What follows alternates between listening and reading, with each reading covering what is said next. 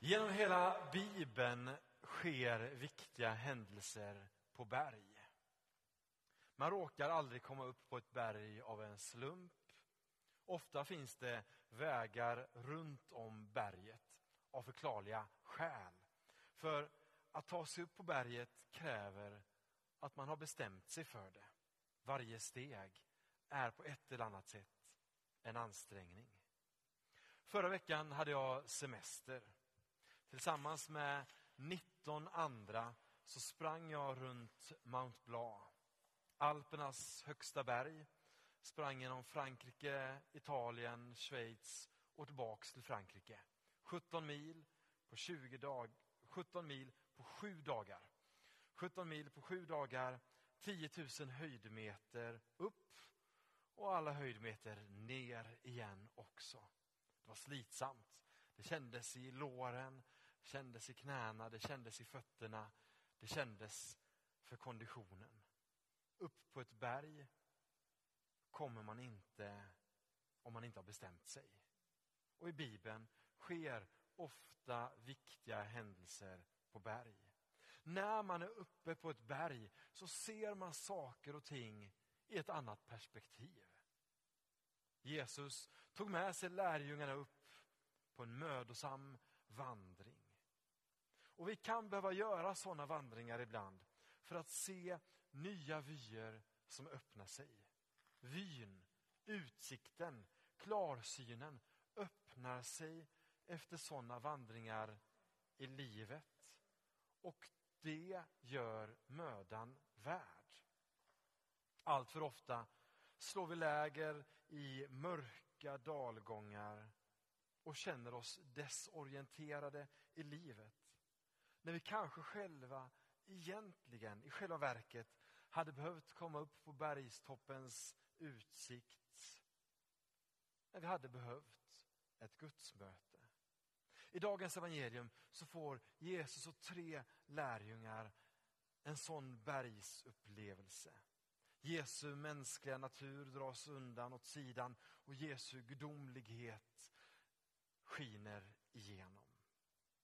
Inför releasen av en ny film släpps alltid en trailer för att man ska få en försmak av det kommande. Tanken är att trailern ska väcka någonting här och nu, skapa någonting hos oss och skapa en förväntan inför det som ligger framför. Och det händer i dagens evangelietext. Lärjungarna får en trailer av framtiden, av Guds härlighet, av evigheten, av himlen. På förklaringsberget får de se Jesus skina. Guds rike blir synligt. De fick se en trailer, kan man säga. Har du och jag sådana upplevelser i våra liv? Där vi känner att det är moments som är liksom breathtaking. Där vi tappar andan och på ett eller annat sätt liksom får se in i det kommande. Vad har du och jag för förklaringsberg i våra liv där perspektiven vidgas? Platser där du och jag får se Gud. Platser där vi får ett gudsmöte. Här, tillsammans med Jesus, så fick tre av lärjungarna se två av Gamla testamentets stora gestalter. Mose, som representerar lagen och läran och Elia, som representerar profeterna. Har du ibland tänkt så här? När jag kommer till himlen, då ska jag ta reda på detta. Då ska jag fråga, vem var det som stal min cykel på den där festen? Vem var det? Hur försvann den där godispåsen från skafferiet den veckan? Var den där tjejen kär i mig i högstadiet eller inte? Hur nära var jag på att dö den där gången där jag trillade ut för det där stupet? Och så finns det massa sådana här frågor som jag bara vill ställa till Gud.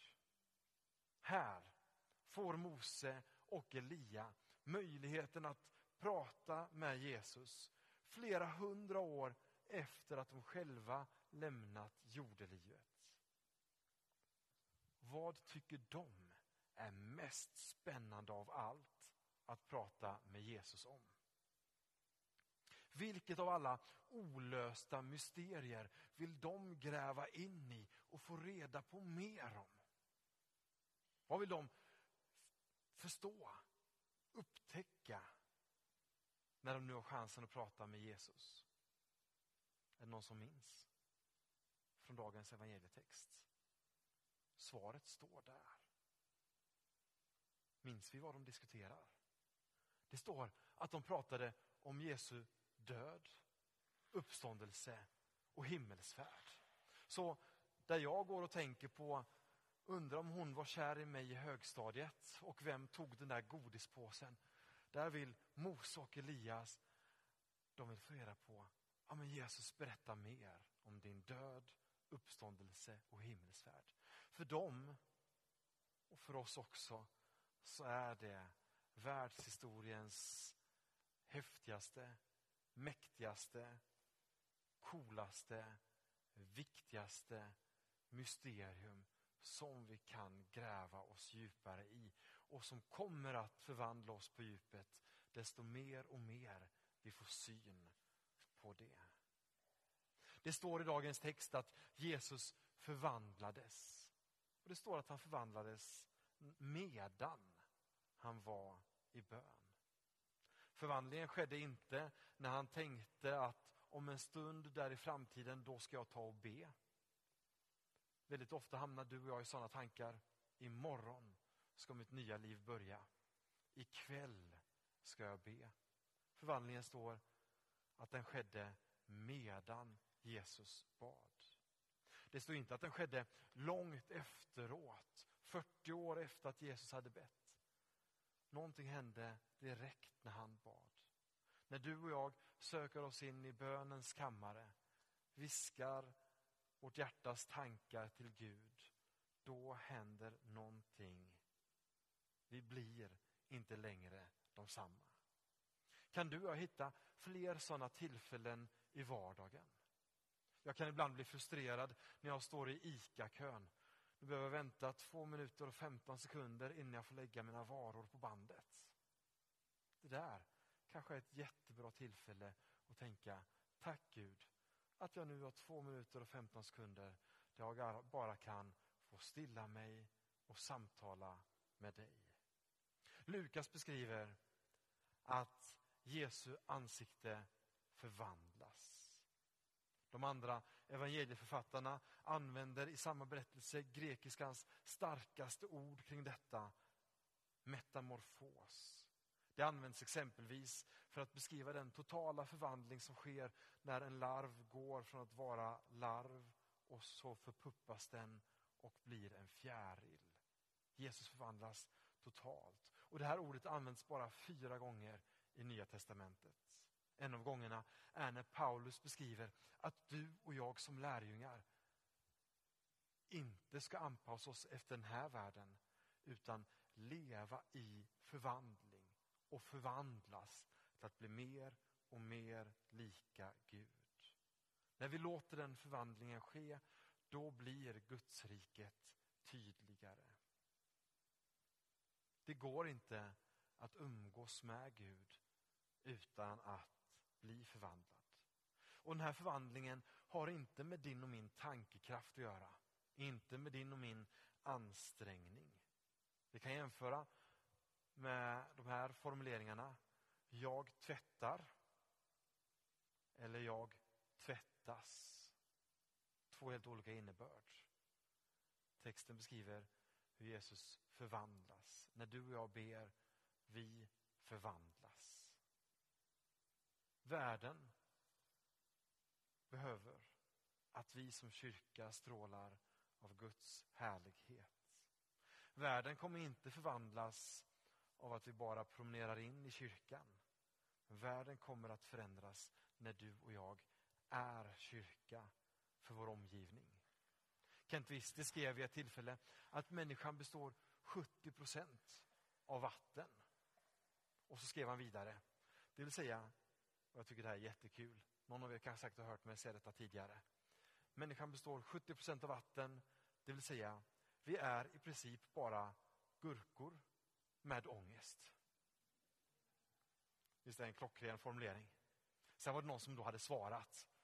Ja, eller så kan vi också se det som att vi är en insjö som får spegla Guds härlighet.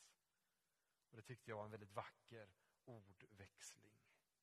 När lärjungarna är där med Jesus så sänker sig sen ett moln och en röst talar från himlen som säger detta är min älskade son, min utvalde.